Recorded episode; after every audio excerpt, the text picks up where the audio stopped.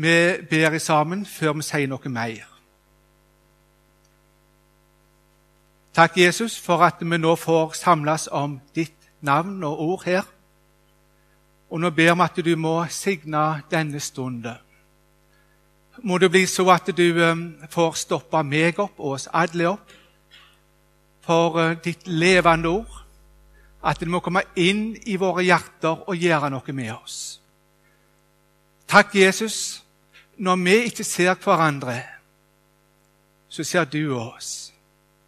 Når de andre overser meg, så ser du meg. Og i denne stund med det jeg har å slite med og stri med. Nå ber jeg at du må snakke til oss òg, den enkelte av oss. For du ville gjerne at alle skulle bli frelst i denne verden. Amen. Kallets tid er ennå ikke forbi, og i dag kaller Gud til frelse og tjeneste. Hvordan kaller Gud? Hva er vårt kall i dag? Vi skal prøve å se litt på disse ordene og disse tingene nå i denne timen her. Først Guds kall til frelse og Guds kall til tjeneste. Da er det ett ord som vi må lese først. Og det er Johannes, 1. Johannes brev, kapittel 2 og vers 2. Se det som står der. Se det første. Han, altså Jesus, er en soning for våre synder. Jippi! Han er en soning for dine synder. Hva synder har du gjort? Alle dine synder. Hitler sine synder òg? Ja. Alle våre synder. Så kommer de videre, men ikke, eh, ikke bare for våre, men også for hele verden. Han er en soning for våre og for hele verdens synder. Guds første kall til det falne mennesket. Når hører vi om det i Bibelen? Da må vi til første Mosebok og høre om det. Du husker Adam og Eva, forfedrene våre. De falt i synd. De ble utestengt ifra himmelen, paradis. Så var det kall. Og der står det i eh, første Mosebok, kapittel 3 og vers 9. Da kalte Gud Herren på Adam og sa til ham, Hvor er du? Og det kallet lyder her i kveld for Guds ord. Det gjelder i dag òg. Hvor er du? Du som er her òg. Gud vil ha oss i tale. For min egen sak og for tjenesten. Så skal vi ta noen ord der han kaller oss til frelse. Eh, Guds kall til frelse. Først 2. Peter 2 og vers 9, siste del av verset der. Der står det Han som kalte dere fra mørket til sitt underfulle lys. Altså ifra det mørke inn i lyset. Det samme som å være fortapt og komme inn i lyset og bli frelst. Vi tar også 1. Peter 5 og vers 10.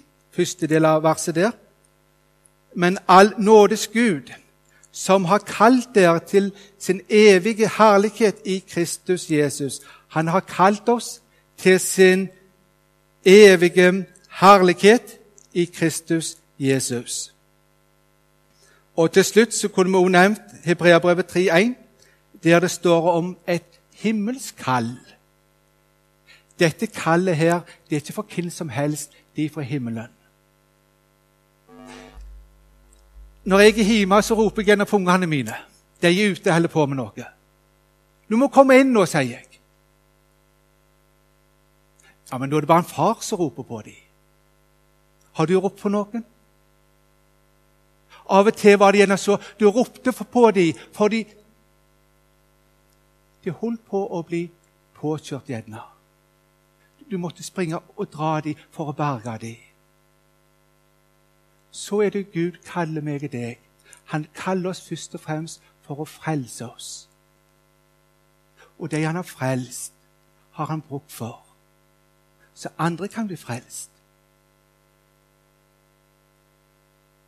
Dette kallet her, det er ikke fra meg.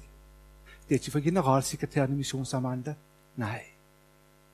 Det er et himmelsk kall ifra himmelen.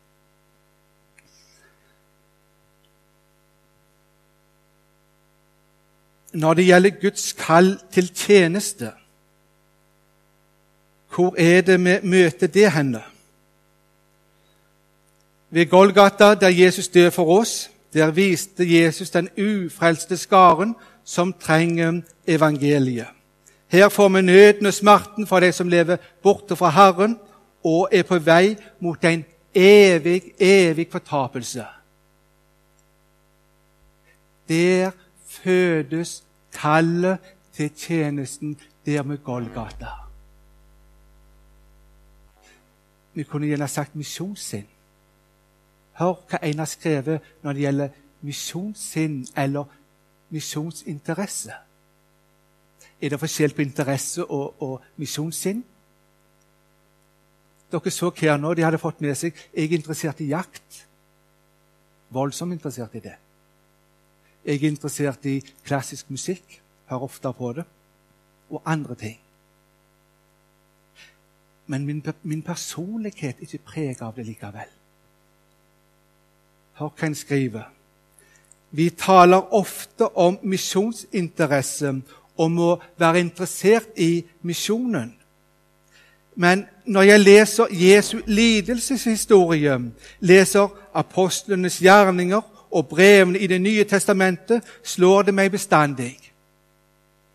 Her er mer enn interesse. Dette er mer enn å være interessert i noe. Her er en som dør. Dør for andre. Bare interesse vil aldri drive et menneske i døden for et annet. Gud sier det var fordi han elsket, og kjærligheten er mer, in, mer enn interesse. Interessen kan stanse. Kjærligheten kan aldri stanse. Den går gjennom tårner, piskeslag og hån. Den går gjennom jordens sværeste lidelser med lukte lepper. Intet kan stanse den, bare døden. Bare det kjærlighet.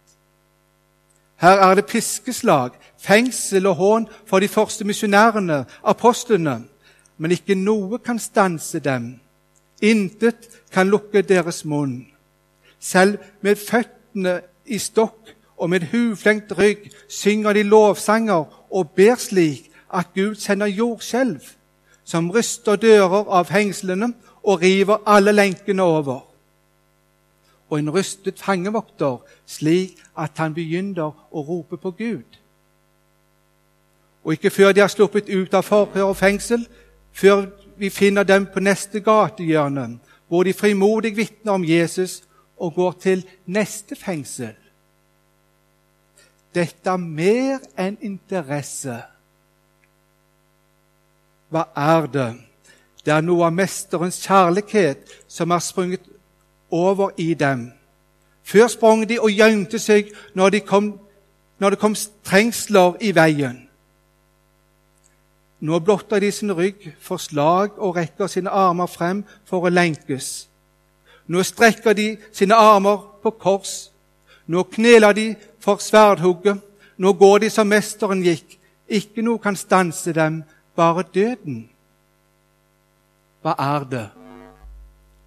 Det er Guds kjærlighet som er utøst i deres hjerter. Apostlene kom like fra Golgata til sin gjerning. Der hadde de sett Mesteren dø. Der hadde de sett kjærligheten, sett en som satt, satte sitt liv for sine venner. Med dette syn brente inn i, sjel, i sin sjel gikk de. Derfor kunne ikke noe stanse dem. Kristi kjærlighet tvinger, sa Paulus. Det er mer enn å være interessert. Da er det blitt til en jagen makt i ens sinn. Og du, en ting til. Har du noen gang sett en mor leite etter det lille barnet som kom bort fra henne? Da forstår du litt av dette her. Hennes beste venner slutta å leite. Det er håpløst. Men mor går, går sine føtter til blods. Roper på barnets navn til hun ikke eier noe mål igjen, røst igjen. Går til hun stuper. Det er kjærlighet. Det er noe med det misjonssinnet, det sinnet som gjør en leiter og leiter for at de en leiter etter, må bli frelst. Dette er mer enn interesse. Det er et himmelsk kall ifra Gud som vi får der ved Golgata. Når vi var i Tanzania, så kom det en god venn bort til meg. Han var en eldre mann, og han heter Moses på norsk. Mossa. Men ofte samtaler jeg og han sammen. Han hadde så nød for folket. Han sa en gang jeg skulle ønske jeg hadde en høyttaler på sykkelen min, en sånn ropert, så folk kunne høre det. Og han gikk og vitna og vitna om Jesus. Nå kommer han bort til meg, for um, det er noe som har skjedd i familien igjen. Hva er det nå? Jo, det er sønnen hans. Han um, drikker mye. Og nå um, er han jo en kleptoman. Nå har han vært stolet der og der og der og der. Så er det ofte faren som må gå i fotsporet til sønnen sin og gjøre det godt igjen. Ut ifra den kulturen som han eh, lever i der, så skulle faren vår så sint på ham. Han skulle jagt han ut av huset. Han skulle sett noe med, med han å gjøre mer. Nå sitter sønnen i fengsel. Faren kommer bort til meg. Tårene renner på han. Og så sier han, 'Jo, Stein, hva kan vi gjøre for noe, så at sønnen min blir frelst?' Det var hans nød. Det var hans liv. Sønnen min må bli frelst. Om han tapte penger, det gjorde ingenting. Men det var det med evigheten. Det var så viktig. Og dette synet her hadde han fått der med Golgata. Du forstår hva jeg mener da? Med korset. Det er Jesus, der han betalte for våre synder. Men nå er det noe underlig. Jesus han holdt en tale, han. Rett før han skulle dø. To dager før han skulle dø. Og det var disiplene. Hva ville du sagt til dine næreste venner hvis du nå skulle dø? Jesus visste at det jeg nå skal gå og gjøre der og på Golgata, på korset der, det skal jeg betale for alle sine synder. Det vil si tilbake i historien og fram i historien. Det er midtpunktet, det. For det som har med betaling av synder å gjøre. For Jesus visste med sine synder går folket fortapt. Jesus vet dette, her, han. Hvor mye disiplene visste, vet jeg ikke. Og så forteller Jesus flere ting til dem. De tre siste tingene der skal vi bare nevne. De to dagene før han skulle gå. Og den midterste tingen, hvis du ser én, to, tre Du kan telle, ikke sant vel? Og så har vi det midterste der, da. De to der, det er liksom ramma på det han vil si her i midten. Ser vi på bildet her framme nå, så ser du Kristus inni der. Ser du den fine gullramme? Ser du hvordan en ramme der er med å løfte fram bildet? Det er ikke likegyldig hva ramme du setter på bildet. For rammer kan enten ta fokuset vekk ifra bildet, eller det kan løfte fram bildet.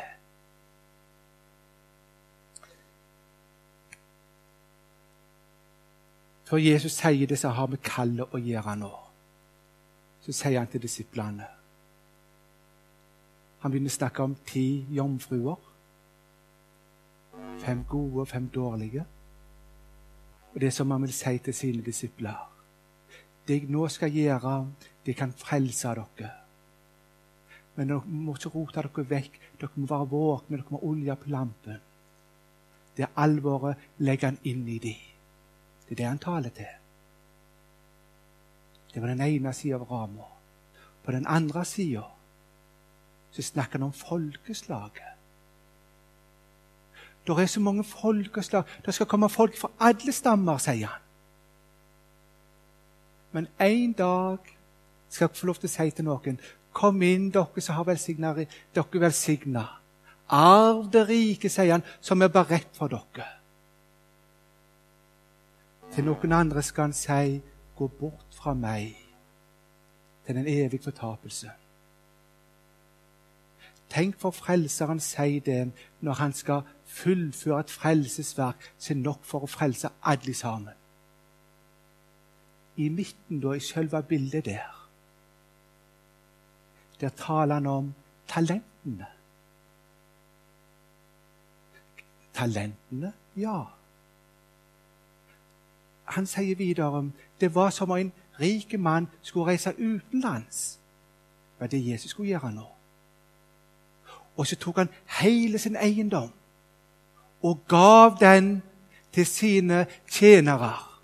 Noen fikk én, og noen fikk flere talenter.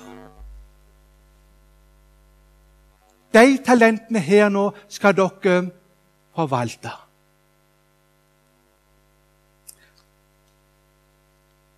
Han Én eh, talent det tilsvarer 6000 dagslønner. Så det er en enorm sum, dette her. Han gav i et kall. Forvalt talentene. Hva er en talent for noe i den sammenhengen her? Det var hans rikdom han gav. Var det naturtalentene? Nei. Var det nådegavene? Nei, i grunnen ikke det heller. Det var evangeliet. Evangeliet måtte forvaltes, og det måtte settes i omløp. Når han, eh, Så sier han noe underlig til sine disipler. Jeg høster der jeg ikke sådde, og sanker hvor jeg ikke strødde. Går det an? For en businessmann denne herren var som reiste utenlands. Han ville at pengene, verdien, måtte være i virksomhet hele tida. Og så måtte òg denne pengene her de måtte gi avkastning òg på plasser der han sjøl ikke hadde sådd, der han sjøl ikke hadde strødd. Så en herre var han.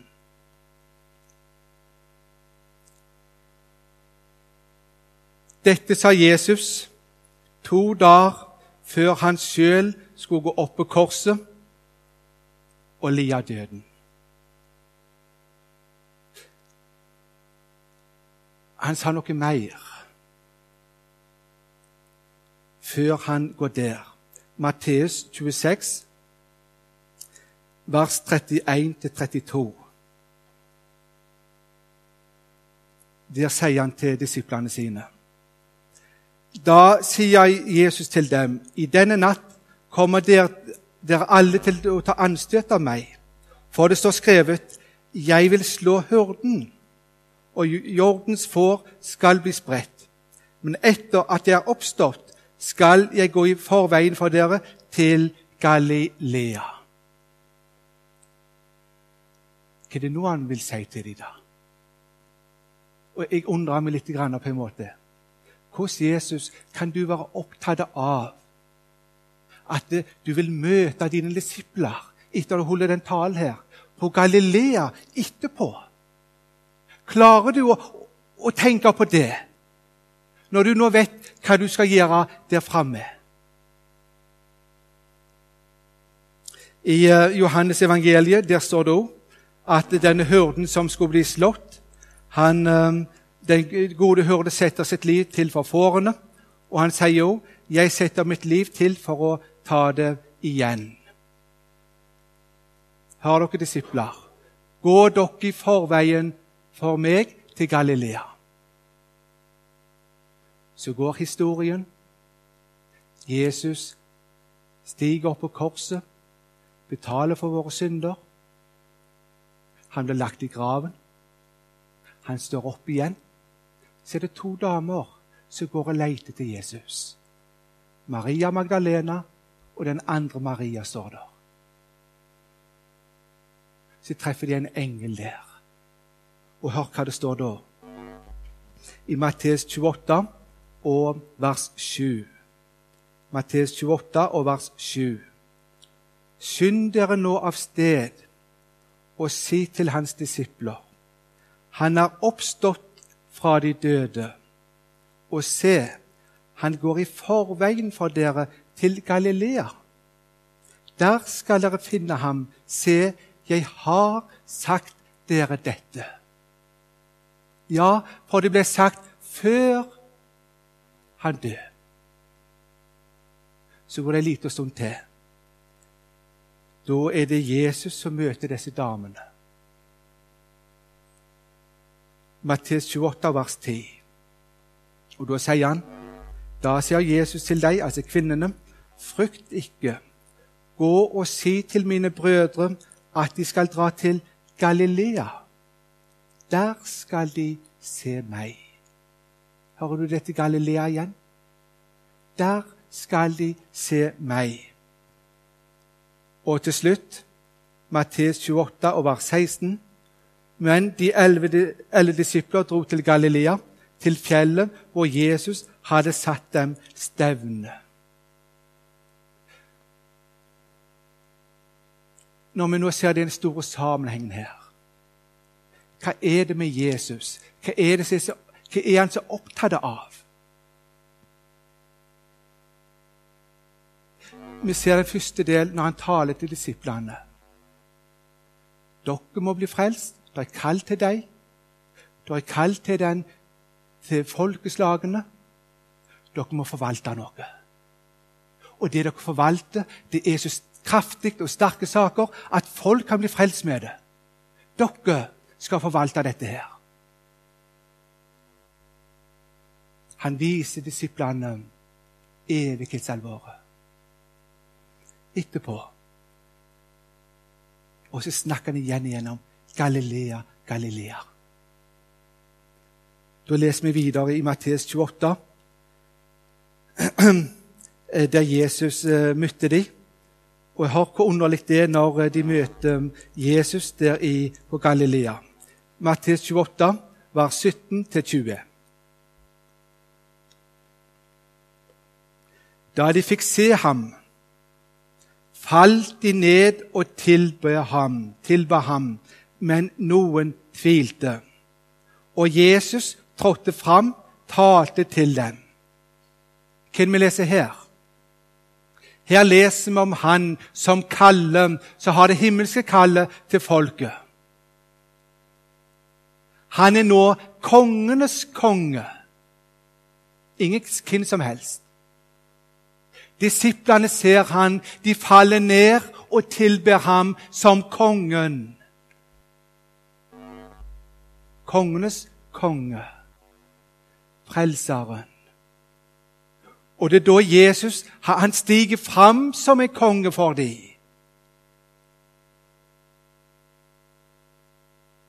Og så har han noen han vil si dem.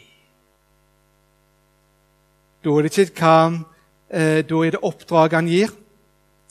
Meg er gitt all makt i himmel og på jord. For jeg er kongenes konge. Og jeg kan sende ut mine folk. Kongenes konge, han har et rike, han har et himmelrike. Han kaller inn til frelse inn i dette riket, og han sender ut så riket kan bli større. Og nå kaller han de ut i tjeneste. Gå derfor ut og gjør alle folkeslag til disipler, idet dere døper dem til Faderen og Sønnens og Den hellige ånds navn, og lære dem å holde alt det jeg har befalt dere. Og se, jeg er med dere alle dager inntil verdens ende. Han har altså et kall, og han vil sende ut denne kongen her. Hvordan kaller Gud, eh, og hvordan leder Gud meg og deg, da? Når han skal kalle noen inn i sin tjeneste. Du som er Guds baden. Du som hører Jesus til. For det er de han kaller. De som er Guds barn. Du kan jeg si med en gang han gjør det så forskjellig. Hadde det stått noen her oppe og fortalt om hvordan de ble kalt inn i tjenesten, så ville du sett å, så for, totalt forskjellig det var. Hvor, hvor totalt forskjellig det var. Jeg vil gjerne være personlig og fortelle om meg sjøl. Når Gud kalte meg inn i tjenesten. Jeg gikk på Lundneset. Dere har gjerne hørt om den skolen der. Ølensvåg. Jeg fikk um, klarhet i det som har med Guds liv å gjøre. For jeg strevde en del med, med å ha frelsesvisshet. Jeg fikk det. Og, og jeg gleda meg voldsomt over det. Men så fikk jeg en uro for de andre som på internatet der, på skolen der og så måtte en vitne om Jesus. Jeg um, traff kona mi der, og det var voldsomt kjekt. Men så begynte Gud å kalle konkret på meg. Jostein, du skal reise til Afrika, du. Til Øst-Afrika. Der er det noen som står og venter, og de vil høre ord fra meg. Ja, men det kan ikke, jeg jeg som er så Nei, det går ikke an. Jo, du skal reise. Jeg eh, ville ikke, men jeg eh, sa ja. Når jeg ikke ville, så følte jeg meg uverdig til tjeneste for Han. Nå måtte jeg jo si det til huset ble kona mi, da Randi. Det kan ikke bli meg og deg. For jeg skal nå reise ut til Afrika som misjonær. Og da kan ikke jeg liksom helle på deg. En stund seinere, det var tungt for oss begge to, dette her, så kom hun tilbake igjen. Så sier hun, 'Ja, men Jostein, når jeg var en del yngre, så kalte Gud på meg òg. Du skal reise ut som misjonær. Men du sier, 'Nei, jeg kan ikke gjøre det.' Men hvis du sender en mann i min vei som har fått kall ifra deg, ja, da kan jeg reise ut. Så førte han oss sammen der på Lundneset, som har fått være mange mange år ute i Afrika, i andre tjenester òg. Så lurer du gjerne på hvordan kan jeg vite Guds kall og plan med mitt liv? Gud kan åpne opp dører for deg.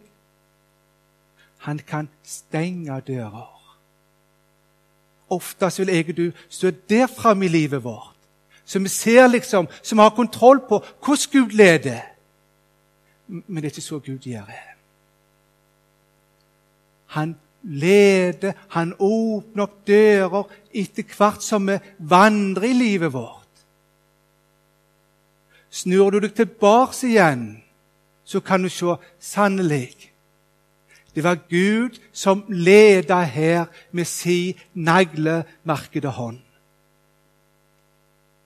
Og en ting til med det samme der. Det å være i Guds hånd ja, Hvordan er Guds hånd? Denne naglemarka. Det er ei frelserhånd. Hvis du får la deg bli brukt av Jesus, så holder han deg fast når han bruker deg som et redskap.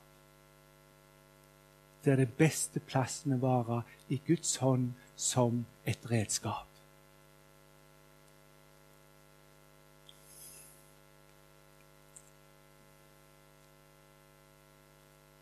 Det kan være konkrete kall, og det er det de som har fått. Men det en kjenner på når en blir kalt inn i noe når det gjelder de ufrelste Det kan være at du er på universitetet og studerer nå. Du jobber her en plass, du går på en annen skole. Jeg vet ikke hvor du er henne. Men når Gud kaller noen til tjeneste, så viser han dem noe. Han viser de ufrelste medstudentene, arbeidskollegaene, familien min. Ungene våre, gjerne. Og så viser han det med sine øyne. Og så er det som han sier Se, de eier ikke meg, de er ikke frelste, de. Så deler han en uro, en smerte og denne smerten her, der ser du Der er mitt kall. De må få høre. Så leder han deg gjerne inn, så du får lov til å vitne for de andre der.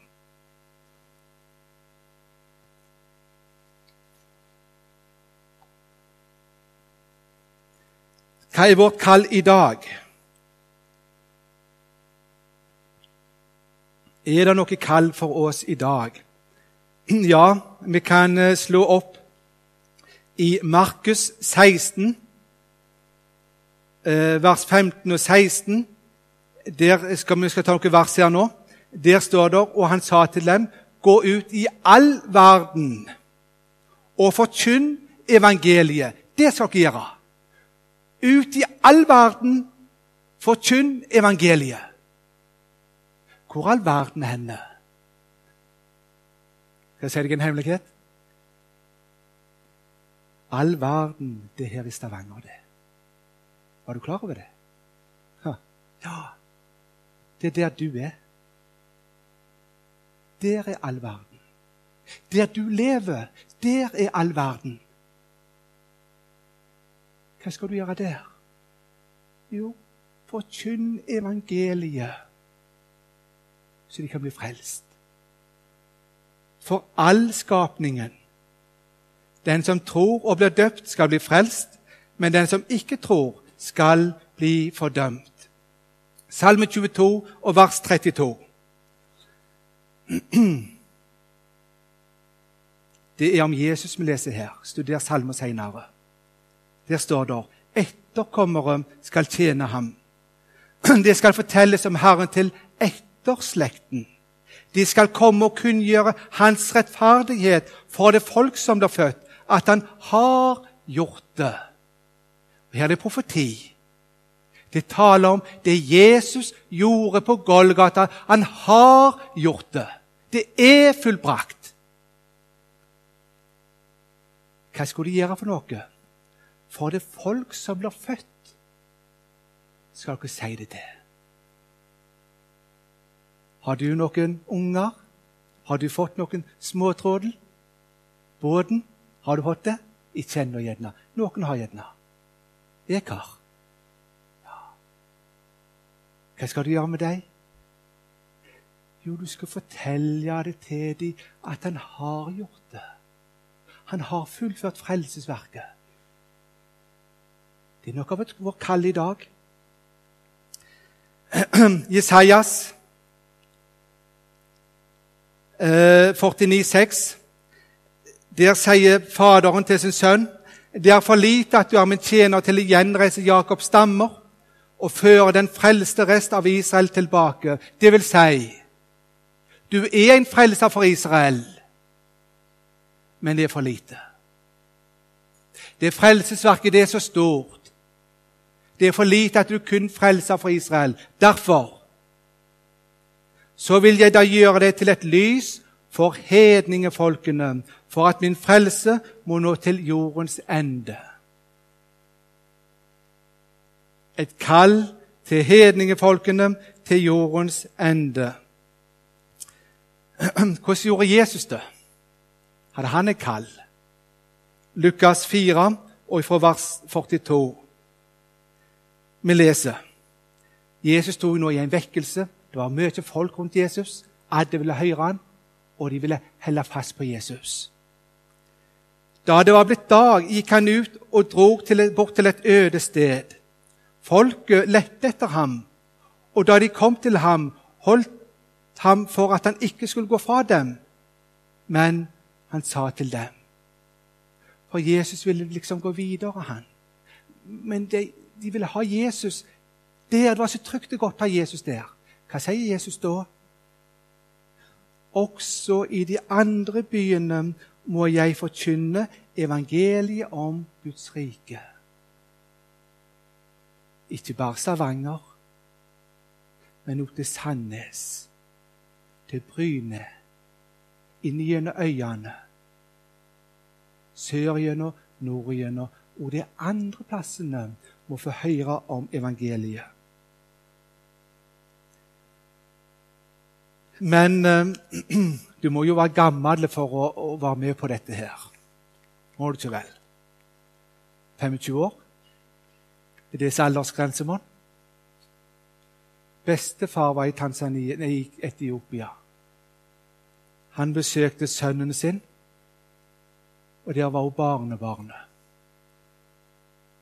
Så skal barnebarnet vise bestefar litt av byen, men da må de opp på en høyde der. Og, de går opp gjennom. Bestefar han er redd slangene, så han kikker ned hele tida. Mens jeg spør barnebarn hva er du redd for. Nei, det er slangene. Ja, men de der oppe, de. Så ser han opp i treet, og der henger det en slange.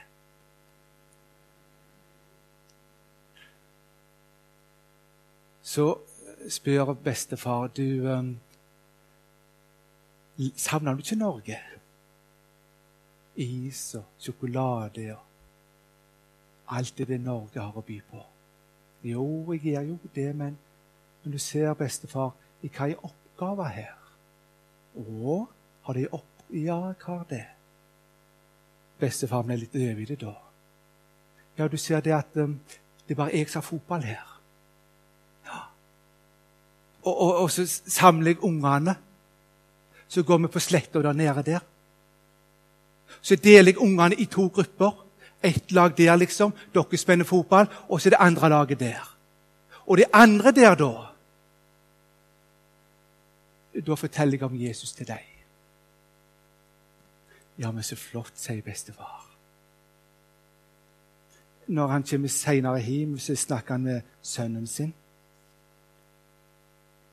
Um, og så må han liksom stille spørsmål til han. Du, um, så sier han navnet på han. Han fortalte meg om fotballag, og at han forteller om Jesus. Um, han, han gjør jo ikke det. Han var ikke så stor guttunge. Jo, sier faren. Han gjør det. Ser du kirka der oppe? Ja. Halvparten av de som går der, er frukter etter Sønnens virksomhet blant ungene der. Halvparten. Den som er født inn i Guds rike, er lys og salt, og Gud bruker Han. Og vi leser i Salme også, Salme 72, om at Jesu navn skyter stadig friske skudd. Altså sjeler blir frelst. Amen.